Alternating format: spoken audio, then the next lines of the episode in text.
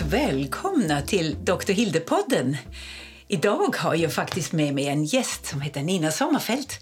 Det är fantastiskt roligt att ha dig här. Tack Nina att du kom. Tack för att jag fick komma. Det är så här att Nina och jag har precis avslutat eh, en eh, ja, ett seminarium som var gjort för allmänläkare och för gynekologer där vi har pratat om östrogenbehandling och endometrieskydd. Alltså ni vet det här skyddet för livmoderslemhinnan. Det som är antingen ett gulkroppshormon eh, eller en hormonspiral eller vad man nu ändå lägger till. Det var i alla fall medicinskt tema och det hänger ju ihop med vår verksamhet.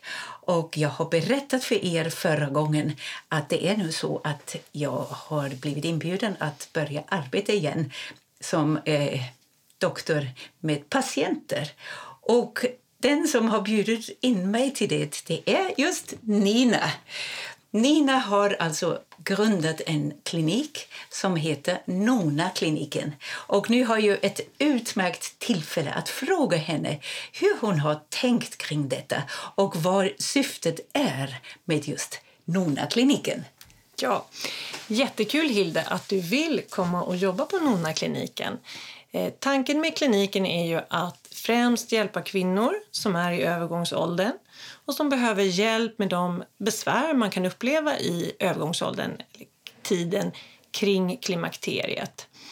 Eh, tanken är att vi ska vara liksom spjutspetskompetensen ska finnas hos oss. Att det ska finnas liksom ett stort intresse kring den här frågan. Eh, klimakteriet och behandling i klimakteriet tycker jag har varit lite bortglömt bland kollegor. Eh, generellt sett bortglömt, men har kommit mycket mer på tapeten nu på sistone. Mm. Och det finns så mycket man kan göra för kvinnor i övergångsåldern som har besvär. Precis. Och varför eh, kände du att det var nödvändigt att starta något eget?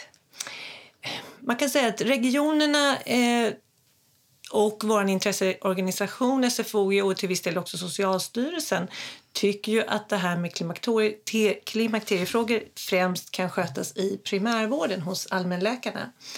Och där tror jag att eh, många gynekologer och eh, framförallt jag själv kanske tycker att det mer ska skötas av specialister för att det kan i många fall vara ganska komplicerat och det krävs ytterligare kompetens och intresse i område, inom området.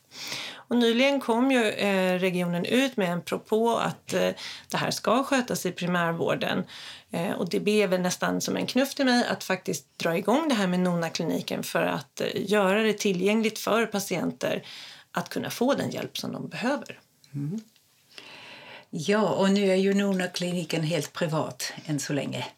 Det är den och jag tror väl kanske egentligen inte att vi har så stor ambition att eh, söka något avtal med regionen. Då erfarenhetsmässigt så är det ganska styrt eh, vad man får göra med patienterna och hur man ska göra med patienterna och när man ska göra saker med patienterna när man har ett avtal med regionen. Dessutom kräver regionen för att få avtal med dem att man måste eh, kunna ombesörja hjälp inom alla, mer eller mindre alla olika områden inom gynekologin. Eh, och ambitionen med Nona-kliniken är i alla fall idag att vara mer inriktad mot klimakteriet. Och när man är så, så att säga, subspecialiserad eller inriktad så får man inte avtal med regionen. Mm, precis. Ja, vi har ju eh, inte några såna här menopauskliniker här i Sverige. Men jag vet ju att det finns i England. Och I England är det faktiskt allmänläkare som eh, har just menopauskliniker. Men då eh, är det ju så att då utgår man ju ifrån en allmän läkarpatient som också har klimakteriebesvär. Och då kan man kanske specialisera sig just för den här åldersgruppen och hjälpa henne. Och då ser man ju det mer ur det här helhetsperspektiv som en allmän läkare gör. Det här med gyn tror jag de måste de ändå ha specialister för gynundersökningar emellanåt. För jag har inte sett att de är allmänläkare undersöker också. Mm. Så att eh, jag tycker det här med undersökning det ligger oss båda varmt om hjärtat att det är ändå viktigt att man inte upp täcka. Alltså man måste ju se eh, att det inte är någonting eh, som är eh, avvikande som kanske ska hindra en hormonbehandling eller så. Eller hur? Ja, absolut. Jag tycker det är viktigt med undersökning eh, i den mån man kan få hjälp med undersökning. Alla kvinnor i Sverige har inte samma förutsättningar. I storstadsregionerna så finns det mer gynekologer att tillgå. Eh, det gör det inte ute i landet. Eh, men trots allt, som gynekolog så värnar jag om undersökning. Jag tror också att många patienter ändå finner en trygghet i att faktiskt få bli undersökt ordentligt gynekologiskt. Det är ju helt normalt och egentligen alltid varit en del av ett besök hos gynekologen. Det var självklart. Det är ju egentligen bara därför man kanske inte har tid eller inte tillgång som man kanske försöker då eh, ta bort den delen. Och det är lite synd, för det kanske ibland nödvändigt om man missar nåt.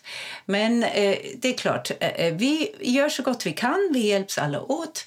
Och eh, en fråga till har jag faktiskt. Vad betyder Nona egentligen? Varför har du valt eh, Nona-kliniken? Nona är eh, eh koreanska eh, ordet för stora syster. Och jag kände att den här kliniken är lite som en eh, stora syster för alla kvinnor som har besvär där ute. Någon man kan komma och prata med och få hjälp hos. Eh, inom eh, den koreanska kulturen är också klimakteriet förenat med någonting positivt.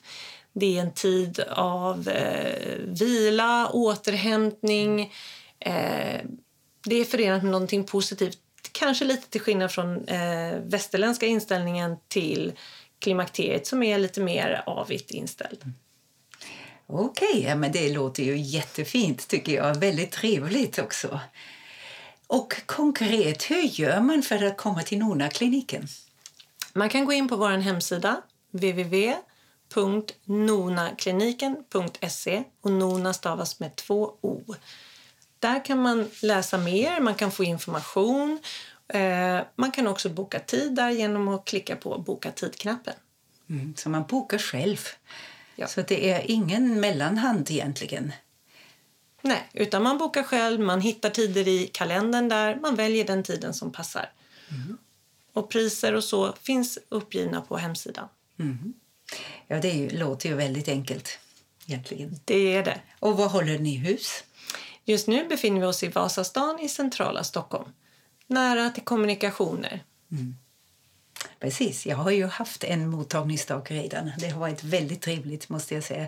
Alltså det känns ju väldigt bra att möta just kvinnor som känner sig förhoppningsvis nöjda sen efter besöket. Mm. Det tror jag absolut Hilde. Det har varit väldigt positiv respons mm. sen vi öppnade.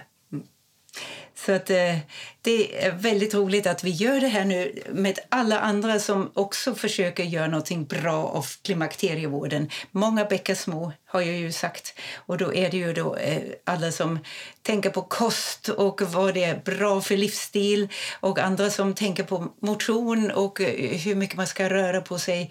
Eh, så det finns så mycket och också det med mental balans, att hitta sig själv. Alltså så mycket man måste göra egentligen. Den här åldern är ju en krånglig ålder.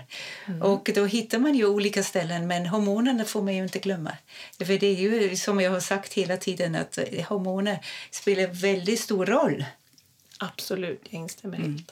Och eh, det är inte bara att man eh, har svettningar och vallningar. Det finns så mycket annat som eh, ibland är lite dolda klimakteriebesvär egentligen. Det står inte ens i SFOGs eh, lista. Därför det är så strängt med att oh, har man svettningar och vallningar då kan man få hormoner, annars kanske inte. Nej.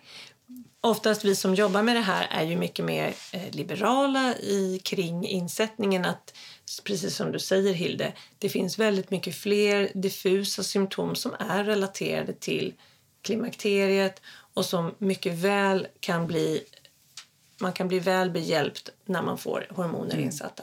Precis. Och det är ju så mycket forskning på gång med eh, det här, vad, vilken nytta just hormoner gör i den här övergångsfasen.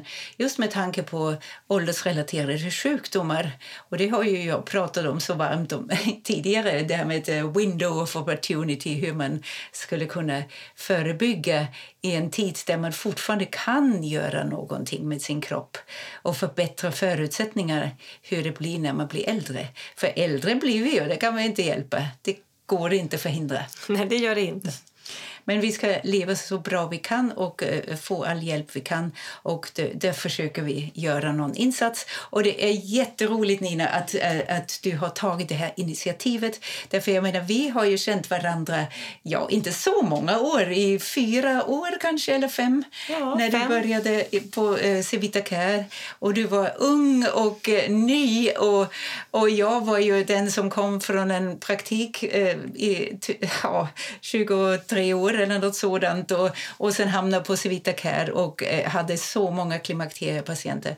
Och eh, du var ju den som eh, intresserade dig just för klimakteriet för det är inte alla gynekologer som tycker det är så kul. Nej, jag blev väldigt inspirerad av dig, Hilde, och jag tycker att det är ett jätteroligt ämne att ehm, ha riktat in sig på. Och Det är väldigt tacksamt att träffa dessa kvinnor. De uppskattar eh, det man gör och det är väldigt många som uppskattar den hjälp som man ger. Ja, precis. Och vi ska fortsätta med utbildningar och även för er. Eh, den här podden är ju en del av det hela och eh, sen eh, ska ju vi själva åka på kongresser har vi sagt. Så att vi håller oss riktigt uppdaterade om det nyaste inom det här med hormonbehandling i klimakteriet. Så att lyssna på eh, Dr. Hilde-podden så får ni lite mer information om allt om klimakteriet.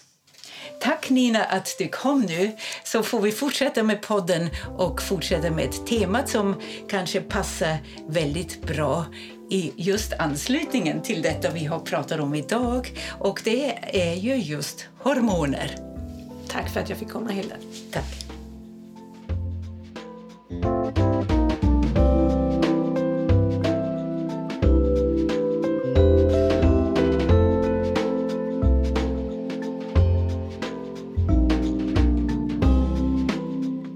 Ja, det var mycket trevligt att prata med Nina.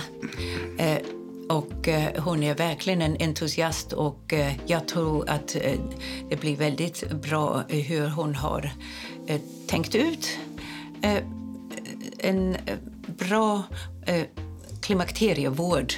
Det är ju stora diskussioner nu för tiden om, om hur man ska sköta klimakteriepatienten eller kvinnan.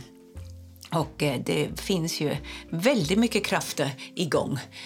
Väldigt roligt att det har äntligen uppmärksammats. Och eh, här har vi nu Dr. Johan Löfqvist igen, som är min bollplank. Som Tack. eh, kan hjälpa mig nu att ja, reda ut det här. Vem ska man gå till? Han är ju ändå allmänläkare från början och kirurg och urolog. Men alltså allmänläkare har det ju varit ganska länge och har även träffat eh, patienter med klimakteriebesvär, eller hur? Ja, jo då. Jag tror nog att allmänläkare kan lära sig klimakterievård och framförallt är de väldigt duktiga på att se om en patient är i klimakteriet eller och de, och de kan bedöma om det kanske finns inslag av andra sjukdomar också eller helt enkelt är något annat som till exempel brist på sköldkörtelhormon eller någon annan malignitet och så vidare.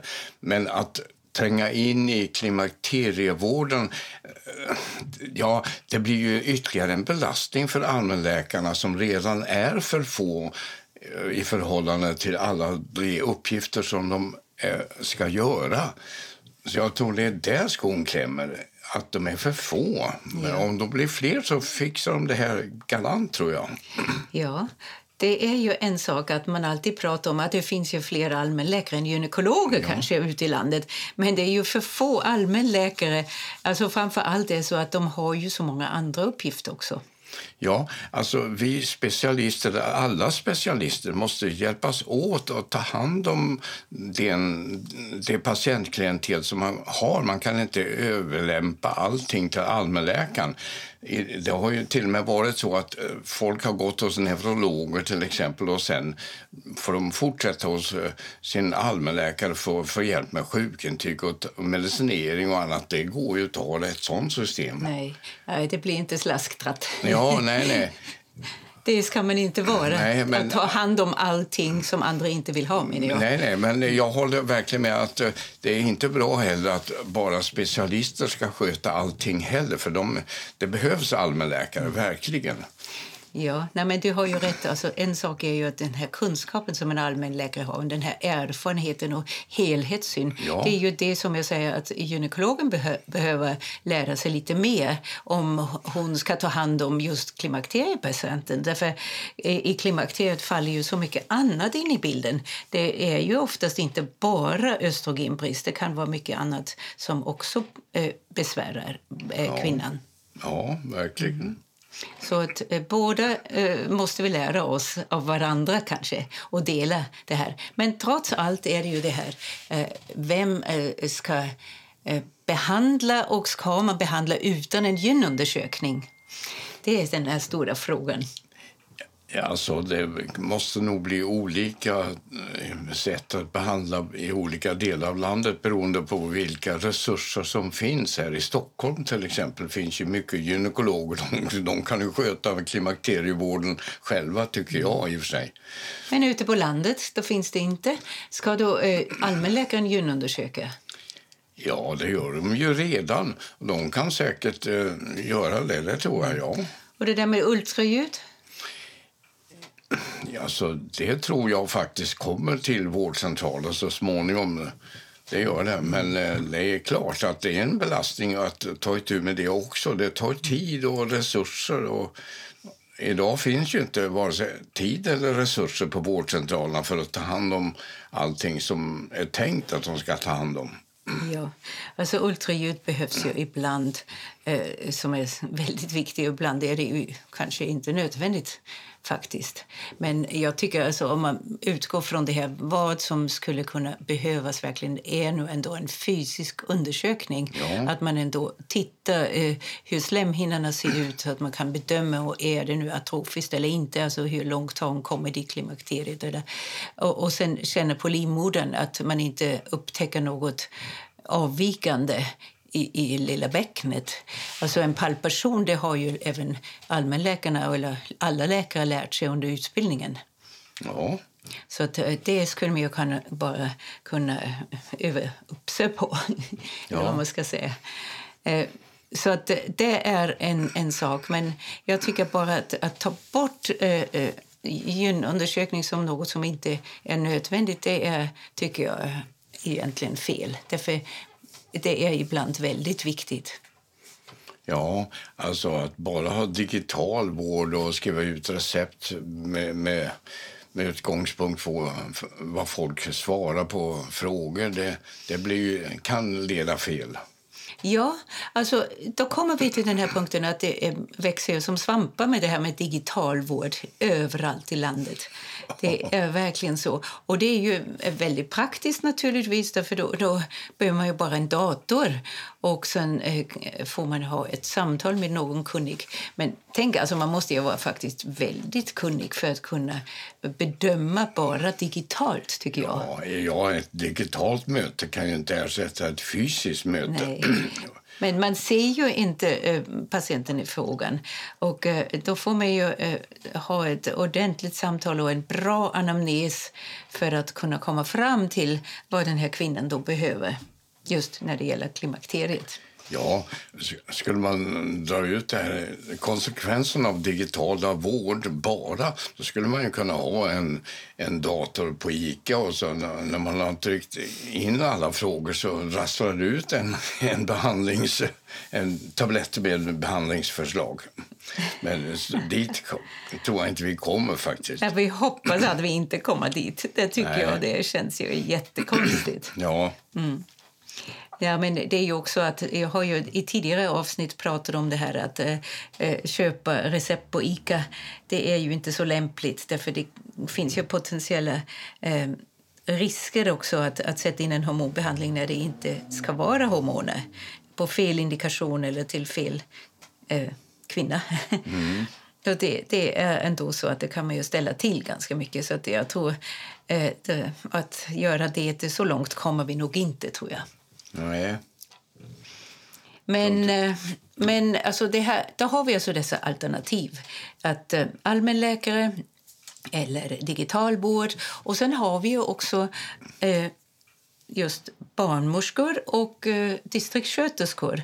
Så, Eh, de, är utbildade inom klimakterievård och eh, kanske eh, har läst lite extra om detta och kan alltså ta en ordentlig anamnes och prata med kvinnan om sina problem. Och Då är det ju kanske ett problem bara att de kan ju inte behandla. Nej. Det är väl, bäst är väl om den som behandlar ställer alla frågor och går igenom patienten själv. Alltså att uppdela det här i två delar, den ena frågar ut och den andra skriver bara recept. Nej, det är ju väldigt otacksamt. Det är också så att en eh, tar anamnesen, den andra undersöker kanske även med ultraljud, precis som röntgenläkare som tittar på lungorna eller något sånt. Och sen den tredje skriva ut. Alltså, det, det, blir så fel. Och dessutom är det ju ändå en viss... Eh, eh, ett förtroende man bygger upp med den som man ska behandla. Och om det är så splittrat, jag tror inte så riktigt på det där. Rätt diagnos är väldigt viktigt. Jag har ju varit kirurg i 25 år. Jag skulle ju inte operera folk bara för någon annan har sagt att de, ska, att de har den och den diagnosen. Man måste förvissa sig själv också eftersom man är ansvarig för hur det går. Mm, alltså vi kommer inte undan. Alltså det är ändå så att vi behöver bli fler gynekologer eh, som också vill komma ut på landet och undersöka och behandla klimakteriepatienter, bland annat. Ja, ja. Mm. Det tycker jag. Det, ja. Där har vi kommit till en bra slutsats, mm. eller hur? Ja, det tycker jag Men sen tycker jag också att det skulle vara ett bra samarbete med allmänläkare. Alltså, det finns ju det här med en vårdcentral och kanske en öppen vårdgynekolog eh, i nära samarbete. Ja, visst. Alltså, en allmänläkarbedömning är guld värd om den är bra, verkligen. Mm, precis. Eh, så att det finns flera modeller ändå. Mm. Så att, eh, det ska ju inte vara så att eh, kvinnan behöver avstå från alla hormoner därför det finns ingen som kan skriva ut eller undersöka. Det är inte Nej. bra. Nej. Så vi har verkligen ett dilemma hur vi ska lösa det här.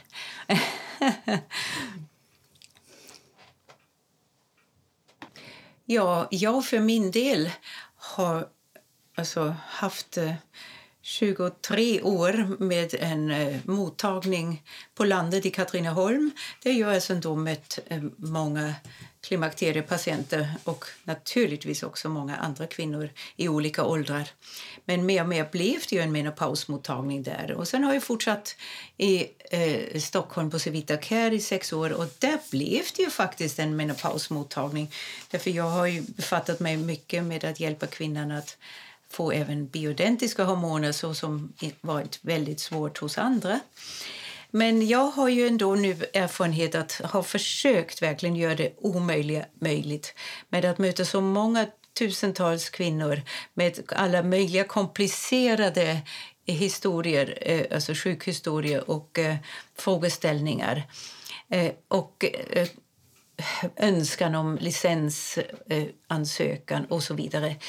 Och nu eh, tror jag nog att det, är, att det har ändrat sig i samhället. Det finns ett stort intresse för klimakteriet i befolkningen och även hos vårdgivare. Det har slagit igenom. Det görs forskning om bioidentiska hormoner och eh, man pratar inte alls eh, något negativt om det längre. Det är inte bara kvinnan själv som vill det. Det är också läkare som är nyfikna och vill lära sig om bioidentiska hormoner. Eh, jag tycker det känns väldigt positivt. Och många bäckar små betyder ju att vi alla hjälps åt för att komma vidare i den här frågan oavsett vem som tar hand om det hela. Jag har för min del eh, skrivit böcker. Den första boken är då Hormonkarusellen eh, på svenska som även finns på danska att köpa. Eh, den är översatt till norska och till finska men är inte att kunna beställa i handeln. Sen har jag fått eh, eh, skriva en tysk bok som är en nyskriven bok men det utgår ju naturligtvis från idén med hormonkarusellen, nämligen att prata om myter och fakta om just hormonbehandling. Och sen det sista är ju min engelska bok där jag verkligen vill säga att det är en bok som är riktad till vårdpersonal, till allmänläkare och till eh, ja, så även till kvinnan själv naturligtvis. Men även gynekologer har säkert nytta av det.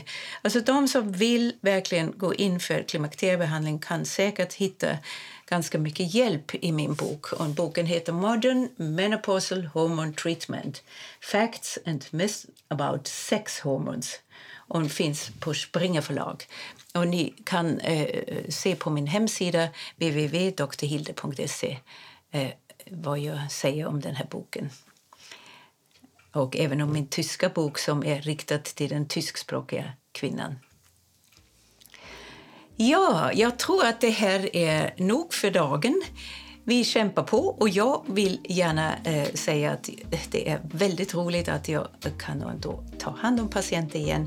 Även om det är privat nu, men trots allt är det ju samma princip att vi vill göra det bästa för kvinnan i klimakteriet och eh, gör så gott vi kan för att det ska bli så bra och så lätt som möjligt att komma över dessa problem med klimakteriet. Tack för att ni har lyssnat denna gång.